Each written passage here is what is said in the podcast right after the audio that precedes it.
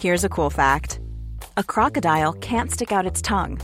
Another cool fact you can get short term health insurance for a month or just under a year in some states. United Healthcare short term insurance plans are designed for people who are between jobs, coming off their parents' plan, or turning a side hustle into a full time gig. Underwritten by Golden Rule Insurance Company, they offer flexible, budget friendly coverage with access to a nationwide network of doctors and hospitals. Get more cool facts about United Healthcare short term plans at uh1.com.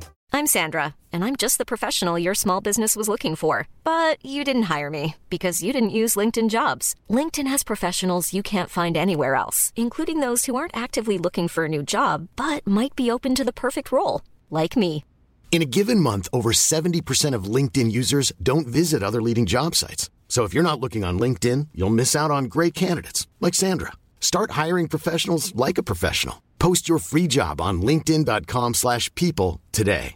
Ready to pop the question? The jewelers at BlueNile.com have got sparkle down to a science with beautiful lab-grown diamonds worthy of your most brilliant moments. Their lab-grown diamonds are independently graded and guaranteed identical to natural diamonds, and they're ready to ship to your door. Go to BlueNile.com and use promo code LISTEN to get $50 off your purchase of $500 or more. That's code LISTEN at BlueNile.com for $50 off. BlueNile.com code LISTEN. Vi är denna vecka sponsrade av Indie Beauty. Och Sofie, det här tycker jag är extra fint och extra roligt. Ja men Indie Beauty är ju ett skönhetsvarumärke som jag tror att väldigt många känner till, men det jag älskar mest det är att Indie Beauty liksom vill vara mer än bara produkter, vilket de ju också är. Exakt. Indie Beauty står ju för Independent Beauty, skönhet på dina villkor och för din egen skull. Och Indie Beauty tror ju stenhårt på ett alternativt skönhetsideal fritt från måsten, skam och känslor av otillräcklighet. Där är jag helt med Indie Beauty. Jag med. Det är så jag vill att skönhet ska vara. Ja men verkligen. Och vet du vad som är nytt för i år Sofie? Berätta. Från och med i år så skänker Indie Beauty 1% av sin försäljning till Suicide Zero, Tjejzonen och Djurens Rätt. Så när man handlar produkter från Indie Beauty så kan man liksom känna att man också ger tillbaka till samhället. Ja, kraften i tillsammans. Ska jag säga en sak nu då, som Mm. jag, det, men det är detta jag är extra glad över. Nu har Indie Beauty tagit fram en keps och den tycker jag ändå så på sommaren, skyddar sig från solen, Jättebra, jag älskar kepsen. men det bästa, de bidrar till Suicide Zeros viktiga arbete för att minska antalet självmord och självmordsförsök. Så för varje såld keps så går hela vinsten, 100 kronor, direkt till Suicide Zero. Då kan man liksom göra nytta både för samhället och sin hud på en och samma gång. Ja, och kepsen kostar 169 men alltså hela vinsten går då som sagt till Suicide Zero. Mm. Så om man vill göra skillnad när man är där ute i solen, nu när den börjar titta fram, då ska man välja den här kepsen. Den säljs exklusivt på indiebeauty.se och på Apotea. Tillsammans kan vi skapa en ljusare framtid. Vi ses med kepsarna på! Tack Indie Beauty.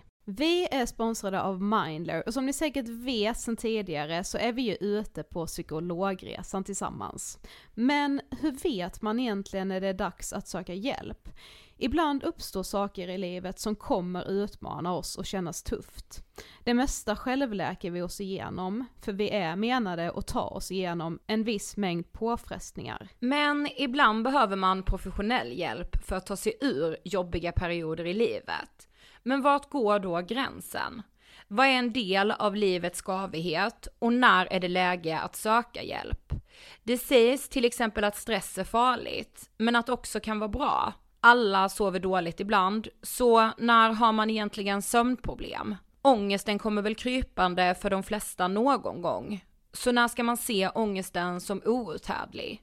Hur vet jag?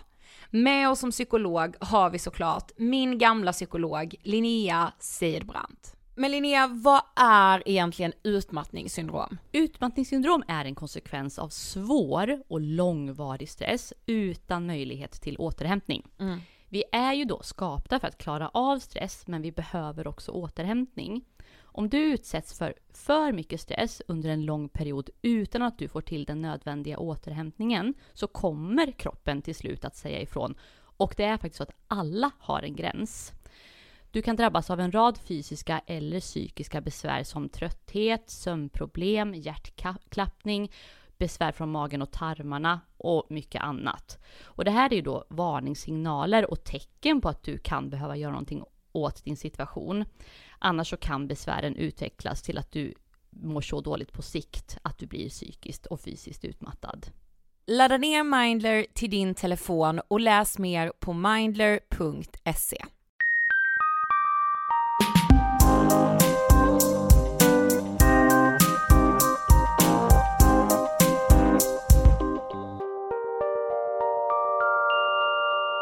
Hej allihopa och varmt välkomna till avsnitt 323 av Ångestpodden! Hello everybody! Welcome to my house!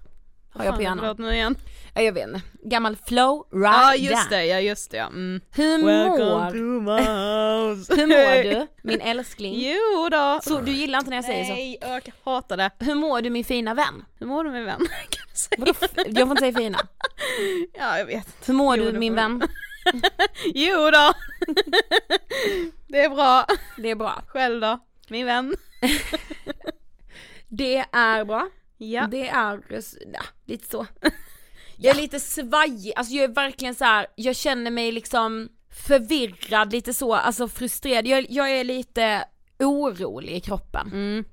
Men det har jag med vara. varit lite på, alltså så här, jag har sovit ganska dåligt sovit senaste katten. veckan, Mm. vaknar mitt i natten och kan inte somna om och jag känner verkligen att det är på grund av, alltså jag är verkligen inte stressad. Så här, vad har man att vara stressad över? Det finns ju ingenting att göra liksom, men så här, Mm, det är väl ändå det kanske som gör en stressad, att det så Mm. kryper i kroppen av tristess och när jag väl vaknar då mitt i natten, jag kan inte sluta tänka, alltså jag ligger och grubblar Ja men på så du mycket jag med! och bara såhär, vad fan är det jag, varför har jag helt plötsligt börjat tänka på det här? Samma. Varför ligger jag och grubblar på detta nu? Klockan är 04.50 och jag ska upp om några timmar. Vet du vad jag liksom till och med har tänkt? Jag bara, så jag har det för bra. Ja, det har man också. Alltså fattar du? Absolut. Alltså, där- man är för, man har liksom, Ja, men man har det väldigt nu- tryggt nu Ja men liksom. just nu har jag här, jag kan typ hantera min gadd bra. Och jag bara nyss så, jag är orolig. nej, men du, nej men jag tycker ändå att jag kan hantera min gadd bra, jag har inte några extrema ångestskov. Va, vem är jag då? Ah, ja, måste hitta något problem va? liksom. Alltså, ja, mm, förstår du? famlar det famlas och famlas och famlas. Mm. Och väldigt mycket så nu ju liksom, som ju nog många kan relatera till i och med pandemin och så med att man bara står nu och stampar liksom. Och det är inget fel med det, jag tycker ju att man ska anamma mer att så här, att bara stå och trampa vatten är Mm. rätt gött liksom.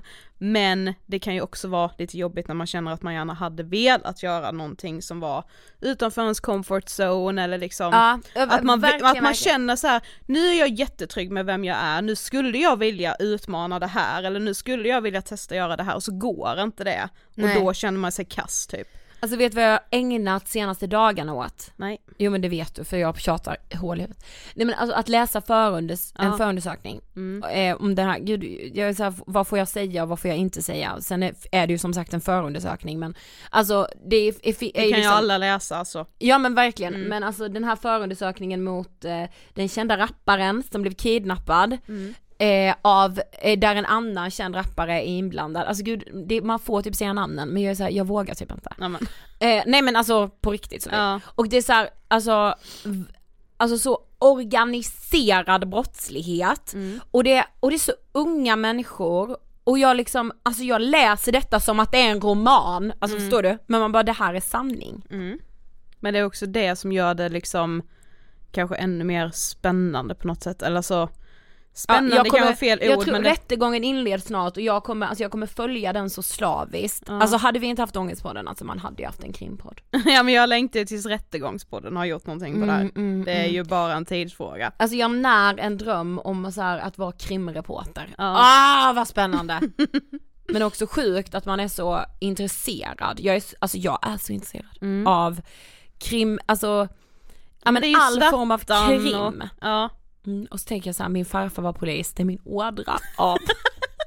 Han Ja. var till och med kriminalkommissarie. Mm, det är nog det. Nog om detta. Vi är denna veckan sponsrade av Ellos. Ja, och vi är ju så otroligt glada över det här samarbetet. Ja. För vi har ju liksom länge sneglat på Ellos och hur otroligt bra de är på att lyfta de kvinnliga historierna. Ja men vet du, jag är också så glad över Ellos initiativ Equally Women. Ja, och just nu på Ellos hemsida, på startsidan, så finns det ju en hel kampanj som heter A Short Story Made by Women.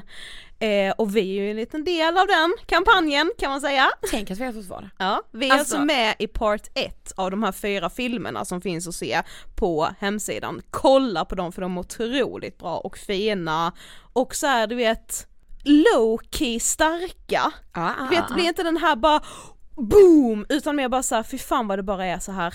Ja, och också så här att det är med kvinnor, av kvinnor, för kvinnor. Exakt. Vet du vad jag funderat mycket på? Nej. Alltså, att man som kvinna, vi kan aldrig försvinna från vardagslunken.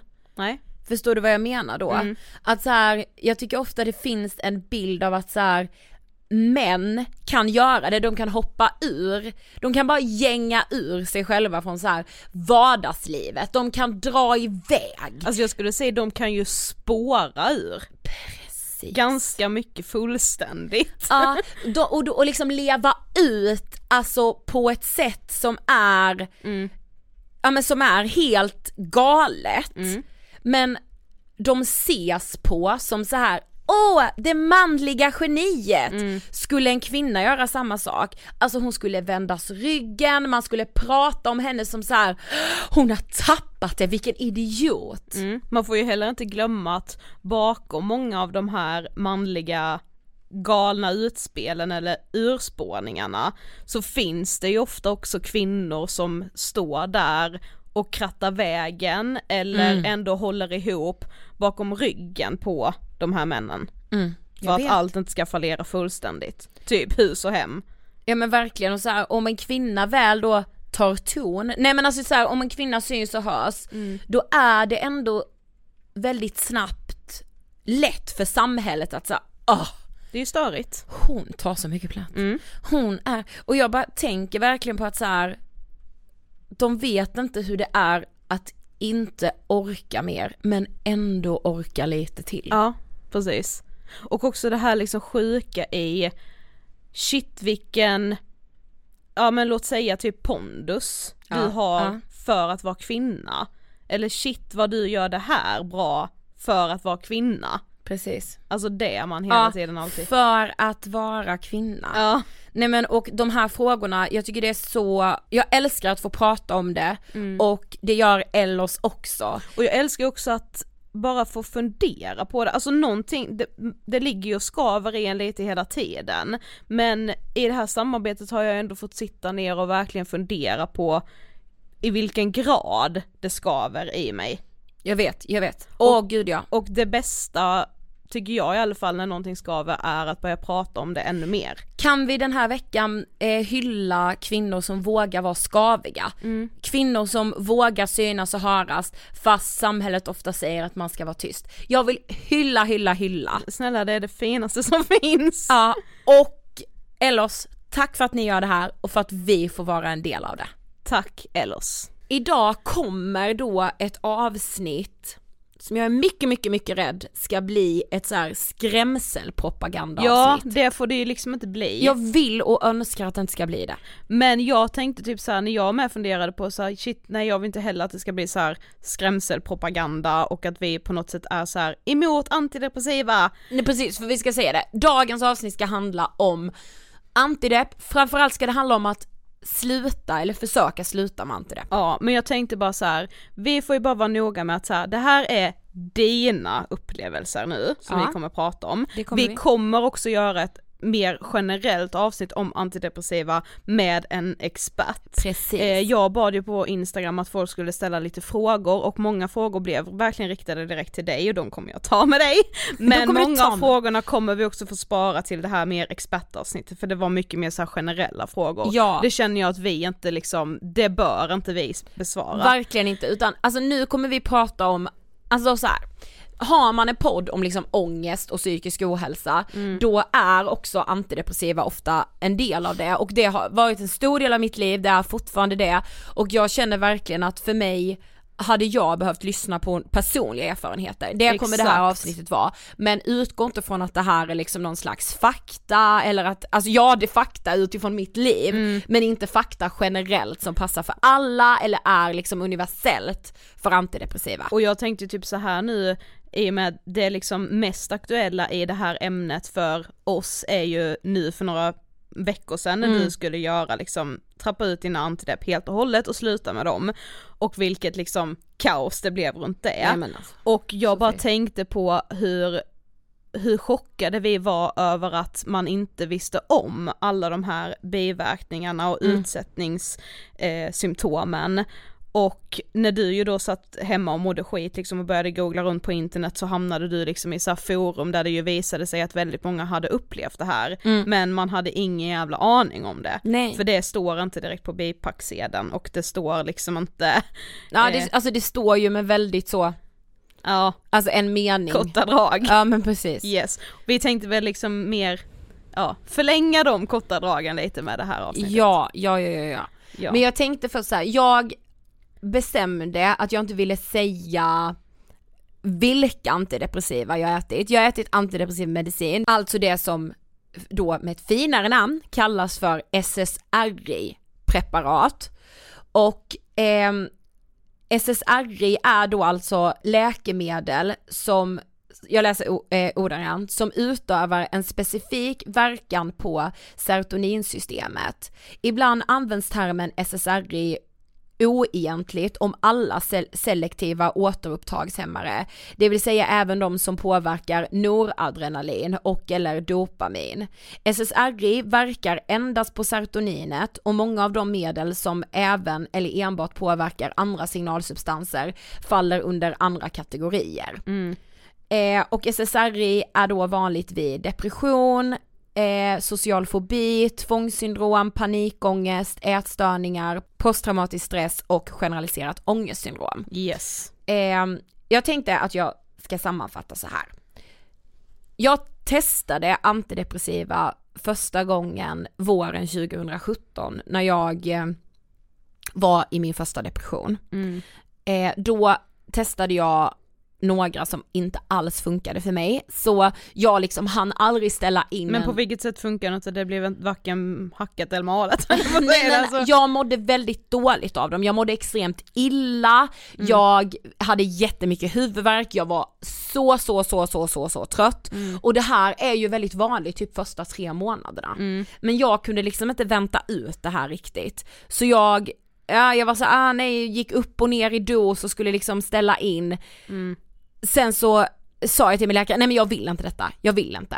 Jag kände att jag inte, att jag tyckte det var för jobbigt helt enkelt. Ja. Så jag, vi trappade ut dem helt, Jag- det var inte alls jobbigt, jag fick inga biverkningar utan de försvann snarare.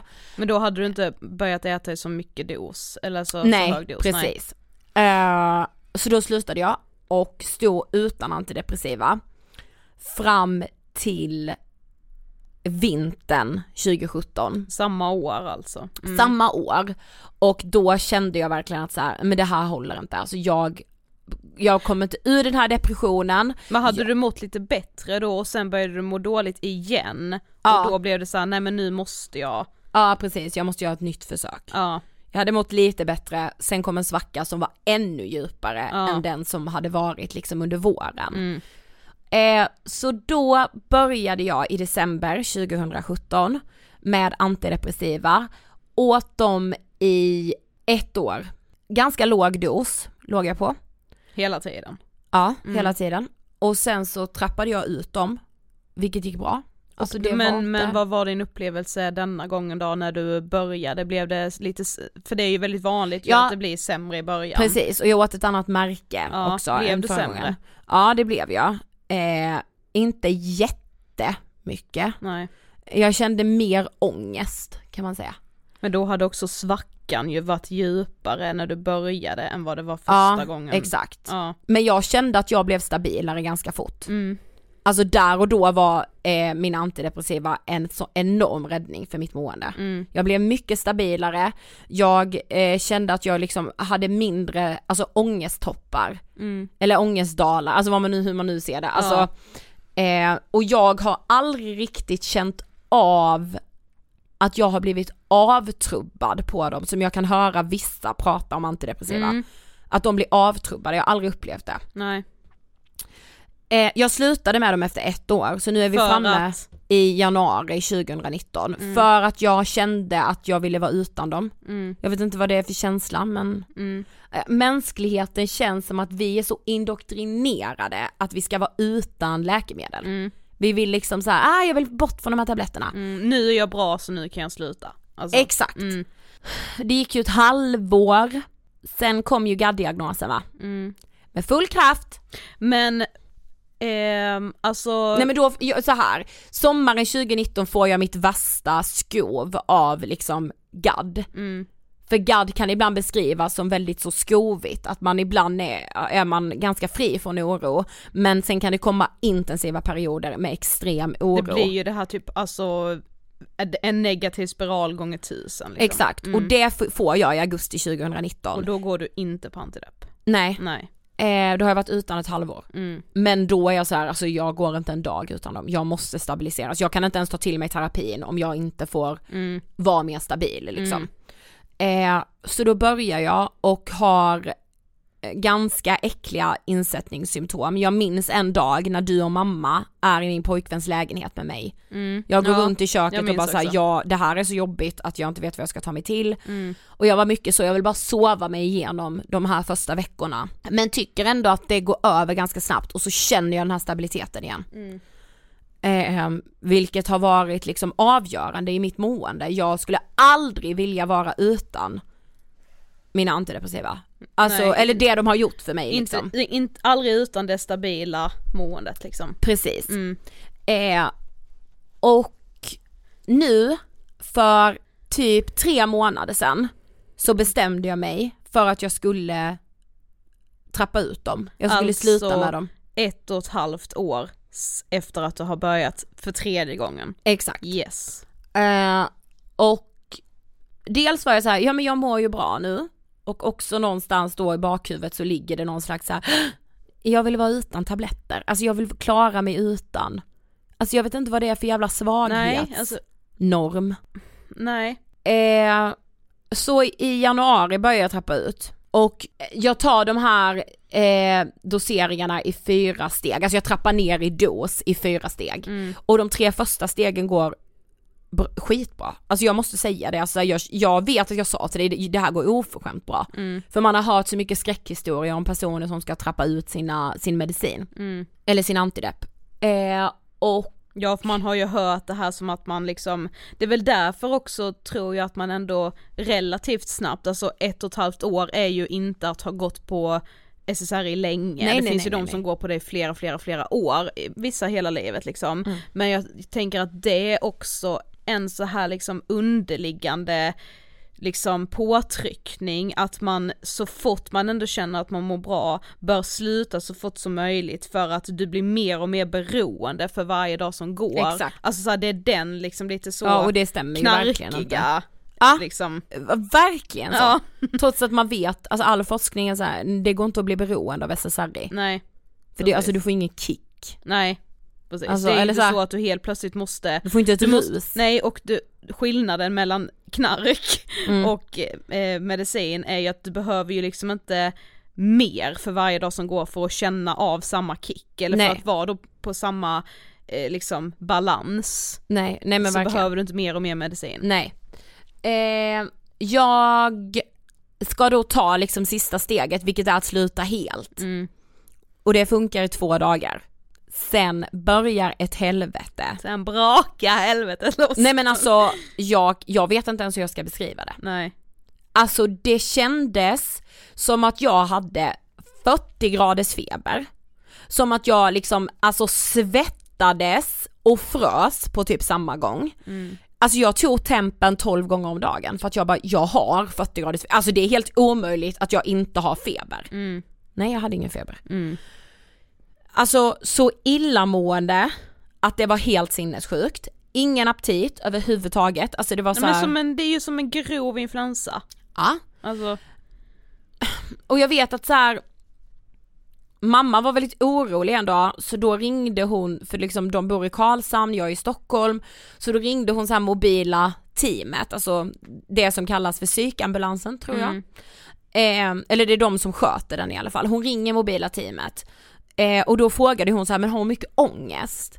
Och det kunde jag typ inte ens säga att det var, det var mycket värre fysiskt. Mm. Men det var också någon slags håglöshet, alltså så här hopplöshet i allt. Alltså det var som att dra ner fucking rullgardinen. Ja. Men blev det då att du började tänka så här man kan ju visst det bli beroende, alltså jag är ju visst beroende Jag är ju av... så beroende, ja gud ja, alltså jag tänkte, jag tänkte typ så här, jag bara, är det så här det känns att ha en avtändning på typ knark eller alltså en alkoholist, alltså alkohol, Mm. då fattar jag att, att man inte slutar dricka eller slutar knarka, Mm. för det här är vedervärdigt. Mm. Jag började ju också då, alltså, för som sagt, alltså det finns inte skitmycket att eh, ta del av vad gäller det här och detta liksom, det pikade också en helg. Och jag Mm. bara, jag måste ha tag på min läkare, man får inte ta tag på sin läkare på helgen. Nej. Eh, men jag hittade... Ja men det ska väl ändå sägas att så här, din uttrappning och alltså när du, det, det, du har ju väl haft samma läkare hela tiden? Ja det har jag. Ja, Och den här uttrappningen har jag förstått har skett för fort. ja. Eh, men jag hittade en artikel på forskning.se Mm. Eh, som handlar om en läkare som själv har trappat ut sina antidepressiva. Ja. som heter Sven Ternov, Ter, Ternov, jag vet inte hur man säger. Och han beskriver ju då exakt det som jag känner vid det här tillfället, vilket gör mig lättad på ett sätt. För Mm. att jag känner att så här, okej, det här är inte helt sinnessjukt liksom. Det Nej. är inte jag som är Och det är inte så att det är du som patient som har liksom missuppfattat eller inte läst på tillräckligt för om Nej. en läkare inte ens vet Precis. detta när han själv ska trappa ut, det säger liksom allt. Och han beskrev då, alltså för detta var 2013, då skrev han själv en artikel i Dagens Medicin om, Mm. om just att sluta med SSRI-preparat och hur förjävligt det var. Och då skrev han så här, en känsla av elektriska stötar i huvudet, hörselhallucinationer och monumental trötthet. Just de här elektriska stötar i huvudet. Alltså du, det var som att det var el i min kropp. Ja. Alltså det bara sköts i liksom hela kroppen, upp i huvudet, alltså helt. Och då står det så här i den här artikeln att så här, trots att han var läkare var reaktionen oväntad. Han sökte information om utsättningssymptom, men i FASS hittade han bara vad han ansåg en nedtonad beskrivning av vad som händer när behandlingen avslutas. Efter han hade skrivit artikeln 2013 började telefonen ringa. Det var många som tog kontakt med mig och ville fråga. De kände igen sig själva och hade fått dålig information från vården och hade massa frågor om varför de mår dåligt, säger Sven. Historierna varierade, men typfallet såg ut så här. De gick till en läkare för att de inte mådde bra, fick SSRI och mådde inte bättre utan kände sig känslomässigt avtrubbade. De försökte sluta och gick snabbt ner i dos och mådde jättedåligt. Mm. Men vad skulle du säga att du har fått för information då av eh, din läkare? Alltså jag har typ inte fått någon information alls känner jag. Mm. Men och har du liksom, alltså hur mycket läste du på om ehm, din medicin eller om SSRI generellt innan du började? Ganska mycket, alltså Mm. just så här biverkningar, men det är nog för att jag har en ådra av att säga åh jag får ångest av att tänk så får jag en blodpropp, tänk så får jag det här, alltså så. Ja, Ehm, så jag läste väl mer på om vanliga biverkningar, typ såhär, åh man är torr i munnen, det har jag haft jättemycket exempelvis. ja, Och man eh, får minskad sexlust, man får, eh, man kan få ökad eller minskad aptit, alltså sådana saker som mer var biverkningar av tabletten. ja, de här, ja precis. Eh, men jag hade ju, alltså jag hade ju inte läst så mycket om, om uttrappningen. Alltså man har, jag har ju hört det, Mm. men inte den här digniteten som jag upplevde att det var själv. Alltså, ja men det ska sägas också, alltså för att liksom knyta ihop själva historien lite att eh, efter den här helgen då när det har varit som att leva i en mardröm så ringer jag till min vårdcentral och sjuksköterskan jag pratar med så här, vet du vad, gå upp på liten dos, gå upp på 5 milligram igen, det är den lägsta dosen som du låg på innan du slutade helt. Mm. Eh, och, men hon är också så här bara, okej du har slutat tvärt. alltså. Och jag bara, ja hon bara du har inte kört så här varannan dag, var tredje dag. Jag bara nej jag har slutat tvätt. Mm. Hon bara, vet du vad, gå upp på den dosen igen. Eh, och sen får jag ett samtal med min läkare fyra dagar senare, för så kan det ju vara. Ja det vården. kan nog vara ännu längre tid, ja. Absolut. Eh, och då kom jag överens med min läkare att eh, ja men om du ska sluta igen så ska vi ta det jävligt mycket saktare. Mm. Eh, alltså typ så här, ja dels dela den här 5 milligrammaren men också sen gå ner då på så här varannan dag, var tredje dag. Det tror jag är ett bättre sätt, jag är inte läkare, psykolog, psykiatriker, I don't know men, men uppenbarligen funkar det inte det sättet jag gjorde det på nu. Nej. Så i talande stund är jag alltså på 5 milligram av min antidepressiva medicin Ja. och jag tycker det funkar kanon. Mm. Men liksom Blev det liksom att man, alltså var du rädd då när du var mitt i det här, när du inte hade någon medicin i kroppen liksom, när det, Mm. när det var det värsta, alltså var, blev det ändå att man, ja det var ju väldigt mycket fysiska symptom och det blir ju lite typ så här, ja vad är hönan och vad är ägget liksom, mår jag psykiskt dåligt nu Mm. för att jag trappar ner? Eller mår jag, börjar jag må psykiskt dåligt för att man blir så jävla frustrerad att man liksom inte klarar av den här grejen, alltså att Alltså, man jag var- så jävla skör Alltså jag var mest rädd för att de här fysiska symptomen inte skulle ta slut. Ja, Det var mitt värsta, alltså jag måste bli av med att må på det här sättet. mm, Alltså det var liksom, alltså den här, alltså att bara säga men vänta, hur kan termometern inte visa feber? För jag känner att jag har 40 graders feber. ja, Alltså det var helt, helt, helt ofattbart i min värld att, att jag inte hade, alltså förstår du? För att jag mådde så jävla, jävla, jävla dåligt. mm, Alltså det var så jag kan ju inte gå upp ur sängen. nej. Alltså jag är ju helt slut liksom. Men om man, alltså man tänker där när du hade liksom, ja men nu har du haft några sådana liksom verkligen ångestskov i och med din gadd, men då när det var som allra värst där, sommaren 2019, eh, innan du började med antidepp för tredje gången, var det, alltså går det att säga vad som var värst, det skovet eller det du var med om nu när du skulle trappa ut? Eller så här, vad, eller hur, hur, Jewelry isn't a gift you give just once. It's a way to remind your loved one of a beautiful moment every time they see it. Blue Nile can help you find the gift that says how you feel and says it beautifully with expert guidance and a wide assortment of jewelry of the highest quality at the best price. Go to BlueNile.com and experience the convenience of shopping Blue Nile, the original online jeweler since 1999. That's BlueNile.com to find the perfect jewelry gift for any occasion. BlueNile.com. Hey, it's Danny Pellegrino from Everything Iconic. Ready to upgrade your style game without blowing your budget? Check out Quince. They've got all the good stuff shirts and polos, activewear, and fine leather goods, all at 50 to 80% less than other high end brands. And the best part? They're all about safe, ethical, and responsible manufacturing. Get that luxury vibe without the luxury price tag. Hit up quince.com slash upgrade for free shipping and 365 day returns on your next order. That's quince.com slash upgrade. Hey, it's Ryan Reynolds, and I'm here with Keith, co star of my upcoming film, If, only in theaters, May 17th. Do you want to tell people the big news? All right, I'll do it. Sign up now and you'll get unlimited for $15 a month in six months of Paramount Plus Essential Plan on us. Mintmobile.com slash switch. Upfront payment of $45 equivalent to $15 per month. Unlimited over 40 gigabytes per month. Face lower speeds. Videos at 480p. Active Mint customers by 531.24 get six months of Paramount Plus Essential Plan. Auto renews after six months. Offer ends May 31st, 2024. Separate Paramount Plus registration required. Terms and conditions apply if rated PG. För det var många som frågade det så här, vad, när vet man egentligen att det är dags att börja äta antidepp? Alltså det är ju jättesvårt. Ja. Eh, Men var det att du kände att så här, nu mår jag så dåligt att jag inte ens kan ta till mig terapin? Alltså, ja, dels var det nog det. mm, Och också, för mig är ju antidepressiva ganska avdramatiserat ändå. Mm. Alltså jag ser ju på det som att så här, jag får halsfluss, okej, då, be- vad behöver jag då? Jag behöver penicillin. ja. Okej, jag får det här, okej vad behöver jag då? Antibiotika. Alltså så här, Mm. så ser jag ju jag på det, att så här, jag mår psykiskt dåligt, påverkar det min vardag? Ja, det gör det. Mm. Eh, eh, ja men som jag sa då som ett exempel, att här, jag kände att jag inte kunde ta till mig terapin, jag, behö- jag vill inte vara i den här svackan, kan någonting hjälpa mig? Mm. Kan något dämpa min ångest? Ja, den här medicinen kan göra det. Mm. Då var det helt självklart för mig att ta det.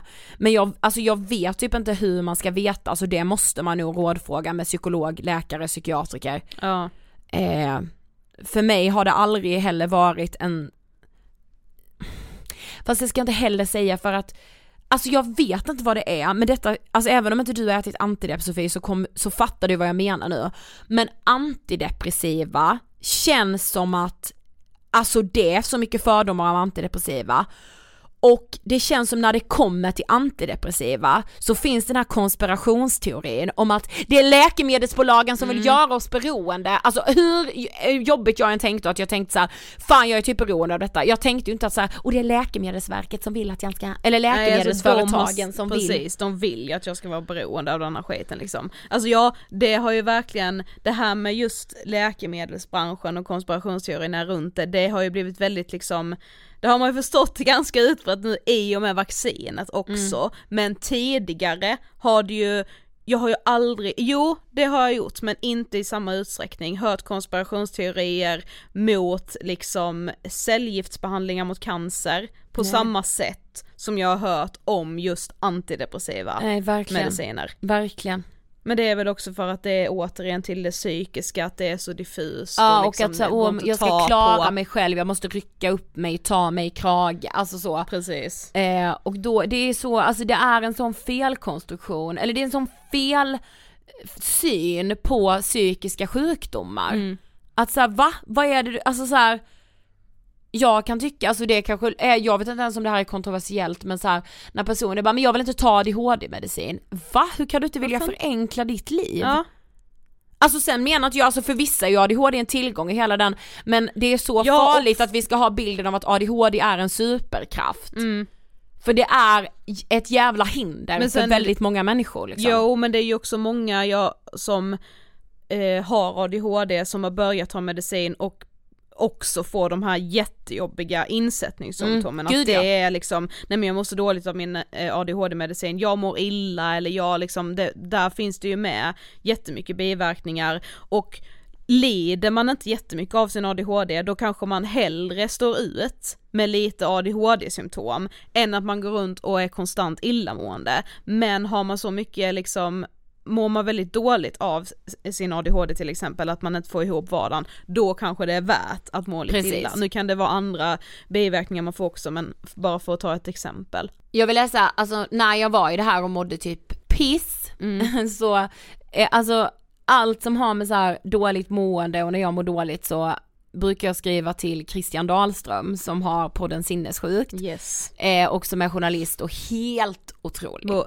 en fin vän. Ja vi brukar ju hylla honom. Ja. Nej men och han skrev, alltså det var en sak han skrev till mig som fastnade hos mig och som jag var så här: jag behöver inte stressa med att sluta med mina antidepressiva, varför har jag stress kring det? Mm. För då skrev han, eh, ja, vi, han skrev långt till mig men ett utdrag så skrev han så här. I vilket fall som helst är det jävligt jobbigt och jag lider med dig. Men du kan trösta dig med att det är en ofarlig medicin och att du alltid kan försöka trappa ut den en annan gång när du har bättre förutsättningar. Exempelvis en bättre läkare.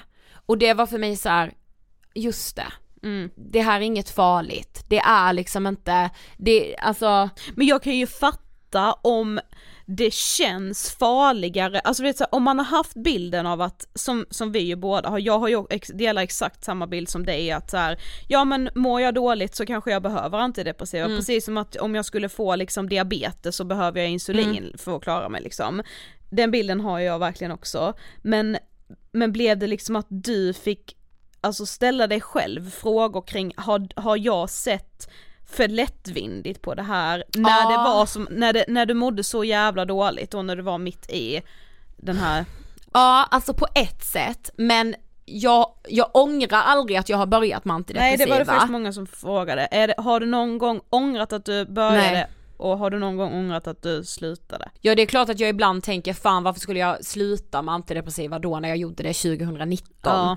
För eftersom jag började ett halvår senare igen. Men- Men, eh, men på ett sätt så tänker jag så, fast jag klarade mig ett halvår utan dem då och så här, ja om det nu var ett bevis för mig själv eller vad det var. Mm. Nej, alltså jag har aldrig ångrat det, men däremot så fick jag ju verkligen ställa mig frågor kring att så här, men jag är ju beroende.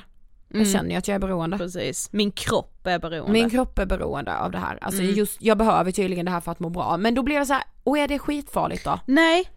Eller Alltså jag det- vet inte, sen så här, det är klart jag inte vill ha det så men om alternativet är att jag ska må sådär. Men vet du vad det är? Nej. Alltså det är att man ser ju att gå på antidepressiv medicin, det är en av de sämsta lasterna du kan ha. mm, jag vet. Alltså det är mycket värre än att liksom snusa och röka och, eller liksom men typ dricka det- alkohol. Men det är det jag tänker att så- alltså folk är så, ah jag, jag skulle aldrig äta det antidepressiva, ah, jag skulle aldrig äta tabletter för mitt psykiska mående men typ såhär, men jag, jag festar gärna. Ja. Jag dricker gärna vin och sprit och all annan möjlig skit. Ja. Man bara, Jo men alltså, idag här- är vi ju, alltså samhället vi lever i idag, men man ska inte ha en enda last. Nej. Alltså inga laster överhuvudtaget, det ska ju bara vara liksom, ja men en supermänniska hela tiden och klara av allting själv och liksom Jag är slutat med koffein, jag är slutat med nikotin. Ja, det är slutat med- liksom och det är så, ja, men kanon för dig men seriöst, alltså tyst. Jag, alltså, och, men det är verkligen, alltså Veronica Maggio har liksom en textrad i Gjord av sten där hon är så här, vänta jag måste läsa den ordagrant.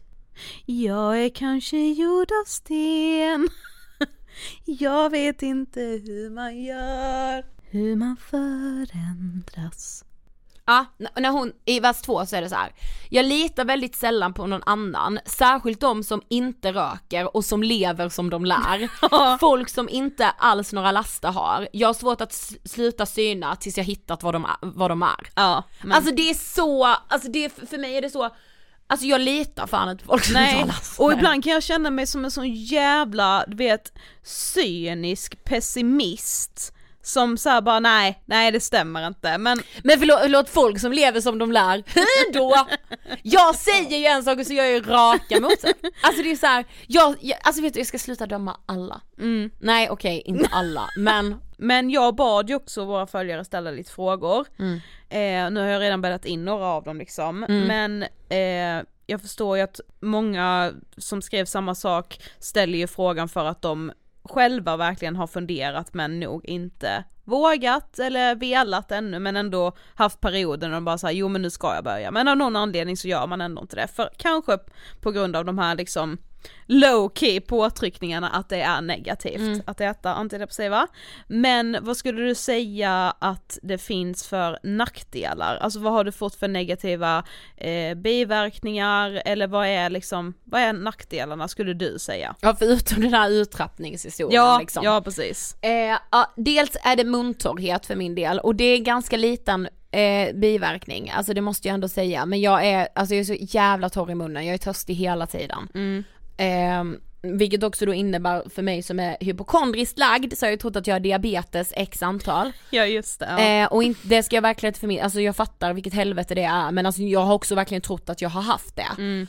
Alltså sexlusten, och det vet jag att många skrev. Väldigt många. Vissa får minskad sexlust och det har jag verkligen, verkligen fått. Mm. Och det kan ju verkligen påverka relationen om, om ens partner har liksom svårt att förstå det eller om ens partner vill ha extremt mycket mer sex än en själv. Ja men jag tänker att det kan ju såklart påverka en själv men för så här, att känna att man vill, vilja Precis. ha sex med sin partner som man älskar men ändå är det någonting som gör att man inte vill. Ja alltså man har inte exakt lusten. så har jag känt. Ja. Alltså, och jag har pratat, jag och min kille har pratat sjukt mycket om det här i vår relation Mm. och det måste jag ge som tips. Alltså att så här, prata verkligen om det här. Mm. För det har vi gjort, vi har pratat jättemycket om det här. Eh, och jag, jag har nog haft en jäkla oro i att så här, Emil ska du tröttna på mig eller alltså förlåt typ alltså så här, och jag Ja. blir så här, men för helvete, alltså du kan inte be om ursäkt Alltså jag är inte har- ihop med dig på grund av vårt sex. Nej liksom. precis. Ja. Eh, ja men jag vill bara tipsa att vi gästade alla våra ligg för några veckor sedan och pratade om det här. Det Ja. finns ett helt avsnitt hos dem. Mm. Och det heter Hur påverkar depressioner sexlivet? Mm. Eh, tips, tips, tips. Där pratar vi ju mycket om just antidepp. Alltså det är nog den jobbigaste biverkningen då måste jag säga. I alla fall för min del. Alltså Mm. trött. Jag är nog trött på ett annat sätt Mm. eh, med dem. Men det, alltså man vänjer, eh, det låter ju konstigt att man vänjer sig vid att alltid vara trött men, och inte alltid verkligen, men jag känner att min energi tar slut snabbare och inte för att jag har gjort saker.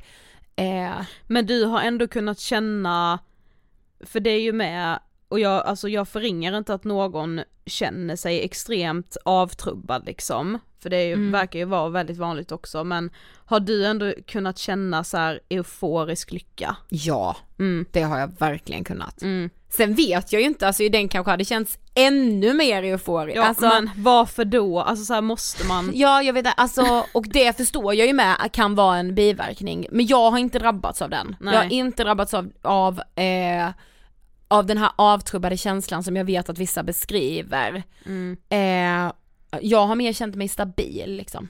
Visst, ja alltså på ett sätt nej, kanske inte så höga toppar, men på bekostnad av inte så djupa dalar, Mm. vilket ju har varit värt det.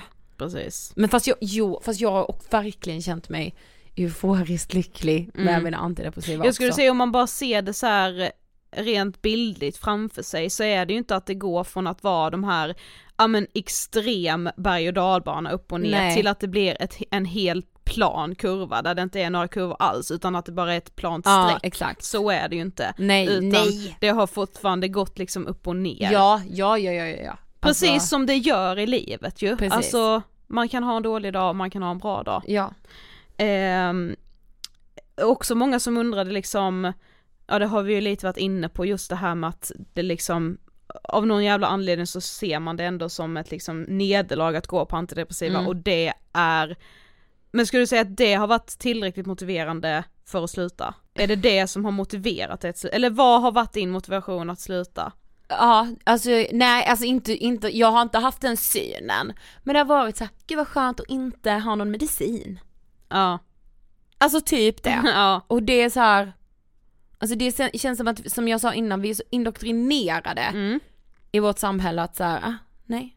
Men däremot kan vi proppa i här naturmedicin. Ja, som man inte ens vet. Alltså den här örten, vi ska ta Mm. hand om våra tarmbakterier. Alltså säg aldrig att jag ska ta hand om mina tarmbakterier, för jag kan förstöra dem. nej jag skojar. Men ehm, har du, var du aldrig liksom rädd att du skulle börja må dåligt igen? Jo, jo, jo, det. men då börjar jag början. Ja. Alltså det, där har jag varit väldigt så, typ jag och mina föräldrar har pratat skitmycket om det. Mm. Mamma och pappa har varit såhär, ja du gör helt som du vill om du vill sluta.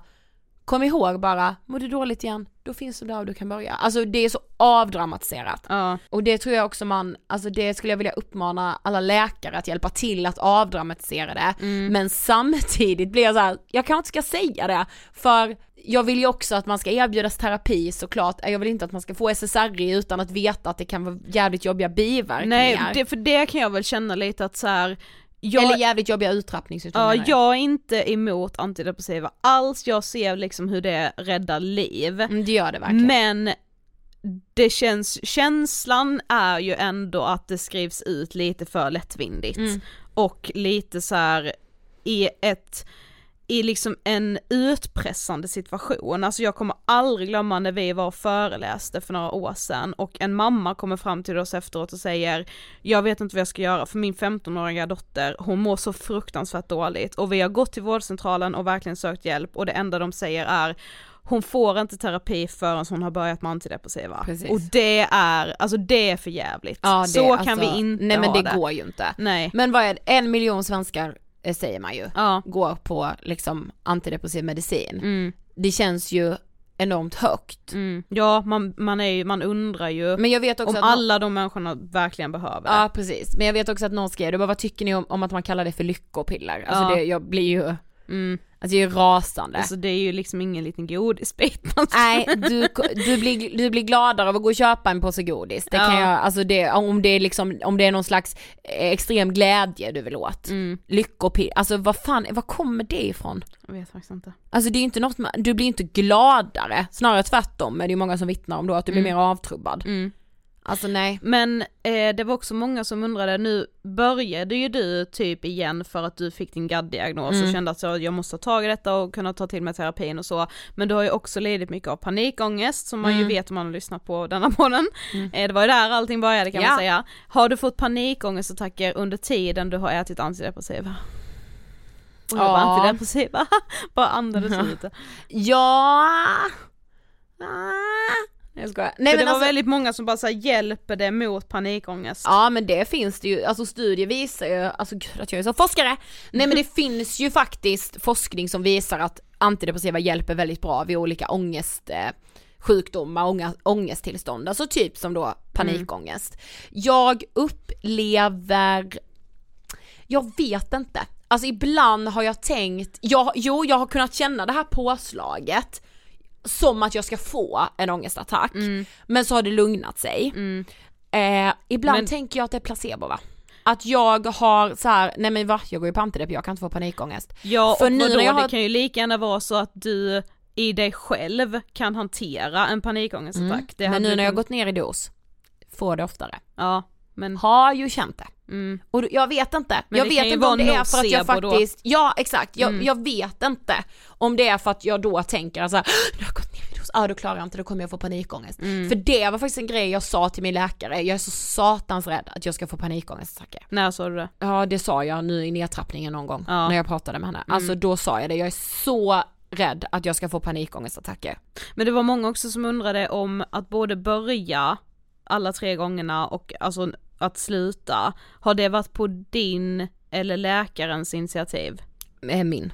Va, med både in och ut alla gångerna? Ja. Mm. Nej, eh, alltså in i första gången när jag skulle, då var det ju läkaren. Som sa du borde nog äta? Ja, och Ja. Min, även min psykolog som sa att jag skulle, jag, jag skulle rekommendera att du går till en vårdcentral för jag tror i det här läget att det skulle hjälpa dig med antidepressiva. Och hur tog du det då? Alltså första gången tror jag att jag blev lite så chockad. Eh, att jag bara så, oj är jag så sjuk? Ja precis, är det Eh, så ja. Är jag där nu? Är jag så Ja men illa? precis. Ja. Men de, och sen så då började jag ju aldrig ordentligt utan det var de här två månaderna och det var symptom och just den, eh, det märket passade inte mig och så. Mm. Men de andra två gångerna har jag nog, alltså det har varit, då har det varit lite så i samförstånd men det har faktiskt varit mina psykologer. Ja, som har bett dig gå till en läkare då? Ja, bett och bett, mer samt, Nej, men- vad tänker du kring det? Alltså, Psykologen får ju inte Nej precis, ut. de kan ju inte skriva ut och de, Mm. så, eh, och de får ju inte, alltså de får ju inte säga att jag behöver det, de får ju rekommendera det och diskutera kring det. Mm. Nu senaste gången, då tog jag upp det själv och Mm. då sa hon så här, ja alltså jag, jag kommer inte riktigt ihåg men alltså jag kände att jag verkligen fick stöd från, eh, alltså jag har fått det från alla mina psykologer kring det här, Ja. måste jag säga. Mm. Känt mig trygg med dem liksom, alltså kring antidepp grejen. Men hur har, alltså för sexlusten påverkades ju som sagt och du Mm. fick typ eh, muntorrhet och så. Eh, det var en del också som frågade så om, alltså om man får dricka alkohol, hur alltså ens drickande kanske påverkas, har du känt, har du blivit mer lättpåverkad eller har du känt dig avtrubbad där också Ja. liksom att man typ tål, tål mer, alltså Eh, ja för jag vet att det, det står ju något om alkohol i bipacksedeln. mm, Men nu kan jag inte komma ihåg exakt vad det är. Mm. Det är inte att du inte får dricka eller så men det är väl typ så att ta det lugnt med alkohol typ. ja. Jag har nog känt mig alltså mer avtrubbad tror jag. Och det kan ju med vara så här, alltså ta det lugnt med alkoholen, ja för är du i en period i livet där du mår väldigt dåligt, ska då ska du du det. ta det lugnt med alkoholen oavsett om du Ja, börjar så här, det äta ska du väl alltid? Ja, nej! Mår du bra ta det fan inte lugnt! Nej men Nej, alltså, men ni- liksom, man, får ju, alltså- man ska ju inte dricka för att döva någonting. Nej precis. Eh, det är nog säkert det de liksom syftar på också. Precis. Eh, alltså inte märkbart ändå. Jag försöker liksom tänka, Mm, nej i så fall mer avtrubbad. mm, Att jag liksom så, oj gud jag har liksom druckit fem glas vin, jag känner ingenting. Alltså, mm. Men det kan ju med vara så svårt att säga om det är på grund av ja eller så, ja men så är det väl vissa gånger. Ja, Alltså så, jag tror det är det att så här, alltså många av de sakerna man kanske upplever under tiden man äter antidepressiva kan nog vara så här. Det hade man kunnat uppleva även utan Precis, antidepp. Och lite precis. så här, jag förstår verkligen att det här med att tappa sexlusten eller ha väldigt minskad sexlust kan vara jättefrustrerande, men en liten, liten del av den problematiska kakan tror jag också är att man har en jättefelaktig bild av hur en sexliv ska se 100%. ut, speciellt om man lever i en relation. att man Alltså, så, det åh jag vill ha, jag, vi ska ha sex fyra gånger i veckan. Nej men Alltså, så att det är inte typ så att par Alltså. där ingen mår dåligt och där ingen av liksom ingen av den, de i relationen äter någon medicin ligger med varandra hur mycket som helst. Nej. Sen kanske man har perioder när man ligger jättemycket, perioder när man inte ligger Ja. alls. Alltså så är det liksom. Ja men det är liksom, har man en bild av att vi ska ligga tre gånger om dagen, alltså Ja. det, så vad är då, en del, förstå, då är man stressad. det, det, då blir man stressad ja och känner att man inte har någon jävla sexlust alls. Men vad är egentligen biverkningar på antidepp och vad är en del av livet? Sen, jag vill inte förringa biverkningarna för de Nej. finns ja, verkligen ja, också. Gud ja, gud ja, gud ja, men alltså Lite så. Ja, ja alltså jag också- vet ju när jag läste, var inne och läste i många forum att det var så min, jag och min partner har inte haft sex på tre år Mm. med mina antidepressiva, då fattar jag att det är skitjobbigt. Mm. Men alltså det beror ju på vad man har för bild av sex också, är det att man ska ha sex fyra gånger i veckan, fem gånger i veckan, då kanske man känner sig skitstressad för Ja. man har inte lust. Men om du tänker på ett vanligt liv, du har nog inte lust fyra gånger i veckan alltid. Nej, det är typ såhär nykärstadiet. Ja precis, Hallå, alltså första fem månaderna, första sex månaderna typ. Ja precis. Då är man ju tokig kanske men Men okej, Ja. den sista fråga. Sista Det, frågan det kommer som sagt komma ett så här expert Ja, ja, ja, avsnitt ja, ja. på detta med någon eh, läkare eller något. eh, men vad skulle du säga är liksom den viktigaste förberedelsen om, för jag vill liksom inte så här, tycker du man ska börja eller inte? För det, det måste vara upp till var och en. Men vad, vad tycker du är liksom eh, det vik- den viktigaste förberedelsen om man ska börja? Vad är liksom viktigt att tänka på? Ja, vad det- har hjälpt dig? På, alltså så här, hur mycket har du pratat med din omgivning Och om det här? Alltså, Det måste jag säga att min, mina läkare har varit skitbra på, Mm. när att börja med dem. Eh, min läkare har varit så tydlig med att så här, nu kommer förmodligen din ångest bli värre första perioden. Mm. Får du minsta lilla tankar på att skada dig själv, självmordstankar, ring vården direkt. Ta kontakt med vårdcentralen, ring 1177, är det akut, ring 112 såklart, Mm, alltid. Som alltid. Ja. Precis, eh, vid självmordstankar, alltid ring 112 för det Mm. är ett akut nödläge. Eh, alltså den infon är ju, alltså det är ju så viktigt att man vet det. Bara att veta det gör ju en trygg. Alltså, Mm. Ja, min gud. ångest kommer öka nu, ja jag vet exakt varför den gör det, för Mm. att jag har börjat med antidepressiv medicin. Eh, det har varit jätte, jättebra för mig och också att informera min omgivning. Att så här, ja, jag är lite lost för man kan känna att så här, det, det är min typiska, både när jag satte ut, skulle sätta ut medicinen och satte in den. Man kollar och så inser man att så här, det tar tre sekunder för min hjärna att Ja. inse att mina ögon har flyttats Alltså på sig. blicken är där men huvudet är där. Nej men alltså, gud ja, alltså, ja. man Mm. är så liksom dizzy. ja. Eh, ja men sä- att säga det, alltså det är liksom, jag har aldrig upplevt att någon bara va? Går du på antidepp? Nej. Det har varit så, ja det gör jag med. Ja fan jag hade med det när jag, eh, alltså så. Ja det tycker jag Folk ändå. fattar liksom. Ja, det var nog ändå min så här, typ största liksom wake up call när du började, det måste ju vara typ första gången eller kanske andra gången om du var ännu mer öppen då, jag minns inte. Nu innan vi spelade in det här så visste jag inte ens att du har gått på det här tre gånger. Inte att jag inte visste det då men jag mindes inte det. Nej. Men så här att man märker då när du säger ja ah, men jag går på det här eller jag, jag går på det här, alltså att det är väldigt många som också säger ah, jag Ja, med, eller ah, ja men min det är lite som att säga att man har lidit av psykisk ohälsa på något sätt. Alla har liksom Exakt. någon kontakt Någon med relation till det på Ja. något vis. det. Precis. Mm. Så att man, eh, som vanligt, man är inte ensam och det finns hjälp att få. Gud ja. Eh, Och jag tänker ja. så här, alltså vill man skriva till mig personligen nu, jag är skitdålig på att svara i DM, jag ska bli bäst Så du kanske inte ska se man ska Nej men skriva. skriv till Ångestpodden då, bara till Ida, för där svarar vi. Ja. Alltså min egna instagram, alltså jag vet inte vad det är. Mm. det jag tycker det är så jobbigt. Nej jag tycker verkligen inte det är jobbigt när ni skriver, det är inte det jag menar. Oh, gud nu blev allt fel. Allt blev fel. Förlåt. Skriv till Ångestpodden på instagram. I så fall.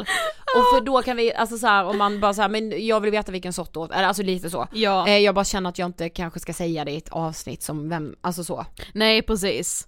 För Att så om det här blir det första avsnittet man lyssnar på av Ångestpodden så vill vi en, liksom Ja inte- eller att man är, står i valet och kvalet att man ska börja med antidepressiva. Bara, ah, men nu hörde jag det märket, det funkade inte och det funkade. Alltså Precis. det är så individuellt. Ja, Eh, men om man vill diskutera det mer så, så kan man skriva till Ångestpodden på Ja. Instagram, Angestpodden. vi svarar alltid men ibland kan det ta lite tid. Ja. Yes.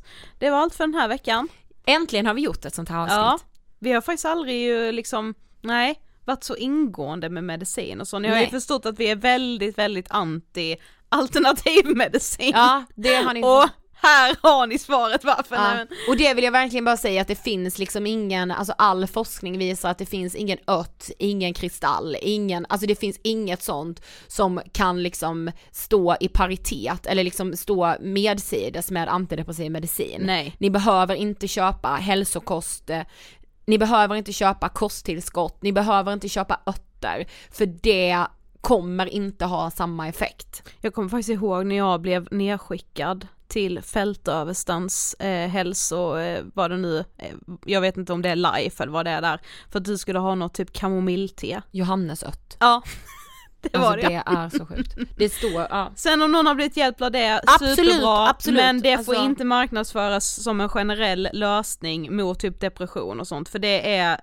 det är ren och skär livsfara. Ja det är ohederligt också. Nu fick vi det sagt. Mm. Ha det gött så hörs vi som vanligt nästa vecka! Det gör vi! Hej då!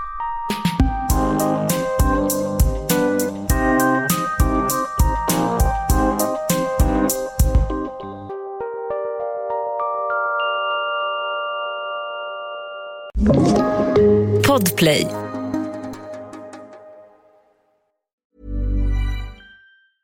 Even when we're on a budget, we still deserve nice things. Quince is a place to scoop up stunning high-end goods for 50 to 80% less than similar brands. They have buttery soft cashmere sweaters starting at $50, luxurious Italian leather bags, and so much more. Plus, Quince only works with factories that use safe, ethical, and responsible manufacturing. Get the high-end goods you'll love without the high price tag with Quince. Go to quince.com slash style for free shipping and 365-day returns. Mom deserves the best, and there's no better place to shop for Mother's Day than Whole Foods Market. They're your destination for unbeatable savings, from premium gifts to show-stopping flowers and irresistible desserts. Start by saving 33% with Prime on all body care and candles. Then get a 15-stem bunch of tulips for just $9.99 each with Prime. Round out Mom's menu with festive rosé, irresistible berry chantilly cake, and more special treats. Come celebrate Mother's Day at Whole Foods Market.